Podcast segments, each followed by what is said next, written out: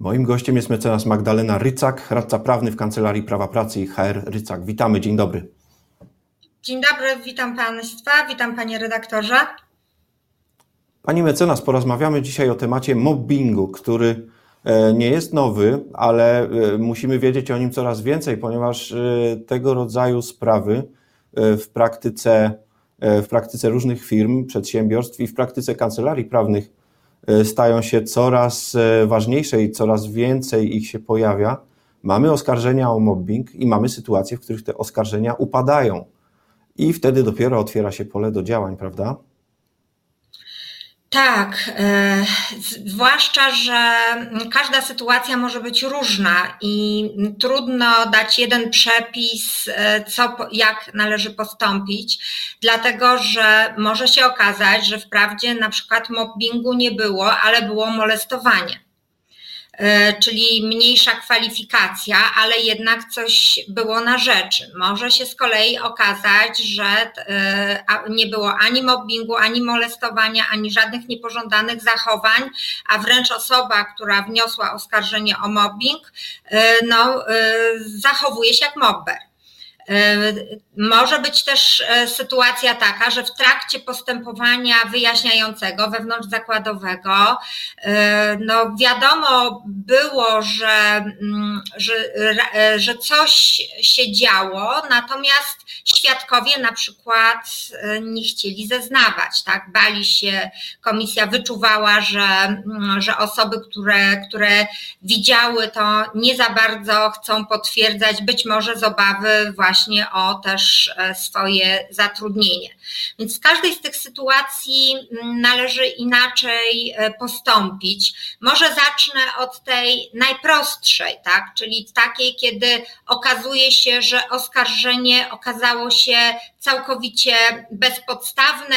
Nie tylko nie było mobbingu, ale nie było też e, innych niepożądanych zachowań, albo skala jakiegoś zachowania no, pozwala stwierdzić, że tutaj pracownik, e, pracownik bardzo przesadził ze swoimi oskarżeniami. E, I w takiej sytuacji pracodawca e, jest uprawniony nawet do rozwiązania stosunku pracy z osobą, która takie fałszywe oskarżenie rzuciła. W zależności oczywiście od sytuacji, y, albo za wypowiedzeniem, albo bez wypowiedzenia, zawsze bezpiecznie jest za wypowiedzeniem zwolnić, ale jeżeli rzeczywiście to zachowanie mm, tutaj tego oskarżyciela było nacechowane szczególnie złą wolą, naruszało w sposób rażący zasady współżycia społecznego, to y, będzie się to kwalifikowało nawet na rozwiązanie w tak zwanym trybie dyscyplinarnym, czyli bez wypowiedzenia w trybie artykułu 52 kodeksu pracy. E, natomiast jeżeli sytuacja nie jest jednoznaczna, czyli mm, wprawdzie mobbing się nie potwierdził, bo żeby wyczerpać te znamiona mobbingu, ustawowe, to naprawdę trzeba dużo warunków spełnić, ale na przykład e, były zachowania niepożądane, po prostu osoba, która oskarżyła o mobbing, nie potrafiła do końca ich nazwać e, i nazwała to, można powiedzieć, e, no tak już z górnej półki mobbingiem, a okazało się, że to jest molestowanie, to w takiej sytuacji raczej mm, tutaj nie ma podstaw do tego, żeby pracownika zwalniać. Natomiast to jest sygnał ewidentnie ku temu, e, że pracownicy nie są dość dobrze przeszkoleni, czym jest mobbing. Być może pracodawca powinien wdrożyć odpowiednie środki, e, aby uświadomić pracowników. E, czy pani mecenas wejdę w słowo, czy pracownik ma obowiązek wiedzieć, czym się różni mobbing od molestowania, czy też możemy założyć, że pracownik tego tak do końca nie wie, a zadaniem komisji jest ustalić szczegółowo, jak było, Y, no i w sytuacji, gdy cokolwiek się potwierdzi, no nie mówię, że pełna pula, ale choćby jakiś mm, mało, y, no, mało konkretny zarzut, ale, ale na tyle istotny, żeby komisja go dostrzegła, to wtedy, jak rozumiem, nie może pracownikowi spaść włos z głowy za to, że źle y, sformułował swój zarzut, tak? To jest nawet tak trochę jak w postępowaniach sądowych, tak? E, też może się okazać w toku postępowania sądowego, że na przykład nie zostały wyczerpane znamiona mobbingu, ale były zachowania niepożądane. Także teoretycznie pracownik no, powinien wiedzieć oczywiście, czym jest mobbing, ale, mm, ale wiemy dobrze o tym, że bardzo często pracownicy tego nie rozróżniają. Oskarżają nawet czasami, że są mobbowani wtedy, kiedy praca na przykład zleca im tylko w godzinach liczbowych, a praca e, egzekwuje zgodnie z prawem e, wykonywanie obowiązków pracowniczych. E, pracownikom się wydaje, że czasami, że, że to już jest mobbing i myślę, że w interesie pracodawcy jest jednak uświadamianie pracowników, bo później takie mm, nieuzasadnione oskarżenia, e, wiadomo, e, są kosztochłonne, angażowanych jest wiele osób, zepsuta jest atmosfera w pracy, więc lepiej zapobiegać niż leczyć, tak? Lepiej, lepiej wdrażać te wszystkie środki zapobiegawcze, e, niż potem gasić jakieś pożary. Tym bardziej, że też trzeba pamiętać, że osoba, e, która została niesłusznie oskarżona o mobbing, może czuć się pokrzywdzona w tej całej sytuacji e, i też może dochodzić swoich praw, tak? Na przykład z tytułu naruszenia jej dóbr osobistych bo, bo sytuacja często w pracy robi się naprawdę gorąca. Często pracodawca przy okazji popełnia błędy, na przykład zawiadamia innych pracowników e, o tym, że, e, że dana osoba jest oskarżona o mobbing, co dodatkowo jeszcze narusza dobra, dobra osobiste takiej osoby e, oskarżonej. Także też trzeba pamiętać, że tam, gdzie istnieje prawdziwy mobbing, zazwyczaj e, środowisko jest tak zastraszone, że ludzie boją, boją się to zgłaszać. E, także e, też, też pracodawca, mając to na względzie, powinien wdrożyć też takie środki organizacyjne, żeby była możliwość też składania informacji o tym, że jakieś niepożądane zachowania się pojawiają. Pracodawca powinien raz na jakiś czas przeprowadzać anonimowe ankiety, gdzie pracy mieliby możliwość wypowiedzenia e, w sposób anonimowy, tak żeby pracodawca zawczasu jakby zorientować się, czy dzieje się coś nieprawidłowego.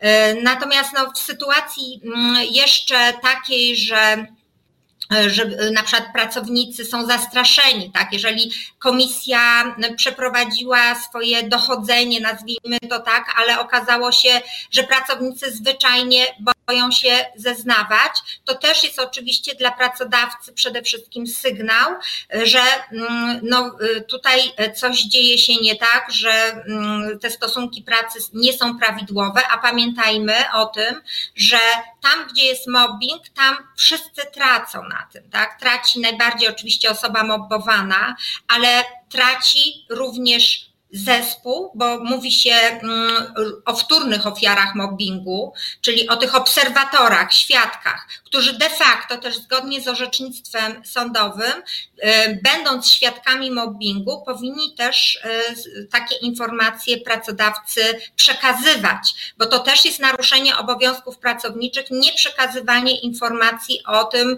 że szerzy się mobbing czy inne nieprawidłowe zachowania. Y, także tutaj, tutaj pracodawcy pracodawca też traci, bo pracodawca traci na wydajności, przy mobbingu zwiększają się absencje pracownicze, e, długoterminowe i krótkoterminowe zwolnienia lekarskie, zespół nie współpracuje, e, dużo energii się traci na wewnętrzne konflikty zamiast na realizację cel. E, także tutaj, tutaj jak najbardziej mm, pracodawca też w takiej sytuacji otrzymuje sygnał, że funkcjonują tutaj jakieś jakieś nieprawidłowości. I na koniec pytanie pani mecenas, chyba najtrudniejsze. Jak to zrobić, żeby ludzie w pracy nie bali się zgłaszać przypadków mobbingu i żeby ta atmosfera była no, jak najbardziej sprzyjająca dobrej pracy, choć chyba mobbing bywa nieunikniony, tak powiem ryzykownie. E, tak, to, to jest bardzo trudne pytanie i e, zadanie e, przeciwdziałania mobbingowi można porównać do takiej codziennej pielęgnacji ogrodu. Nie wystarczy wprowadzić czegoś na papierze i cieszyć się, że mamy procedurę.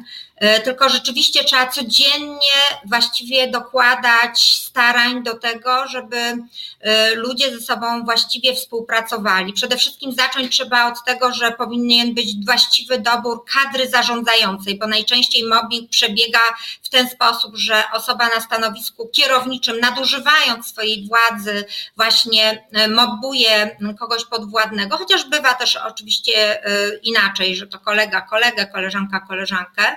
Bardzo ważny dobór tych osób ze względów przede wszystkim osobowościowych, żeby te osoby mm, przede wszystkim skupiały się na realizacji swoich zadań zawodowych, a nie na jakichś e, rozgrywkach osobistych, e, więc tutaj oczywiście to powinny być osoby sprawdzone, e, dobrze, mm, dobrze rokujące na te stanowiska. To jest najważniejsza kwestia, ale oczywiście też nie mogą tam być żadne działania pozorne. Nie może to polegać na tym, że mm, pracodawca chce mieć problem z głowy, najlepiej zamieść go pod dywan i udawać, że u niego problemu nie ma, bo w takiej sytuacji e, pracownicy zwyczajnie będą się bali e, zgłaszać tego typu e, działania. No i oczywiście dobrym rozwiązaniem jest, żeby te zgłoszenia były możliwe anonimowo, a także, żeby komisja składała się najlepiej z osób niezatrudnionych w zakładzie pracy czyli zewnętrzny psycholog, zewnętrzna kancelaria prawna, którą jeszcze dodatkowo tutaj mm, tajemnice e, radcowskie czy adwokackie obowiązują e, i to rzeczywiście nie da nam nigdy stuprocentowej gwarancji tego typu rozwiązania, e, plus oczywiście szkolenia i mm, dobre, niezbyt skomplikowane procedury zgłaszania tego typu działań, ale daje nam szansę na to, że my rzeczywiście rzeczywiście będziemy mieli e, tutaj e, w miarę, e, w miarę to środowisko pracy wolne od mobbingu. No czyli optymistycznie kończymy. Trudny, ale da się zrobić. Mecenas Magdalena Rycak z, kan z, Kancelarii Prawa Pracy i HR Rycak była dzisiaj naszym gościem. Dziękujemy za rozmowę. Dziękuję bardzo.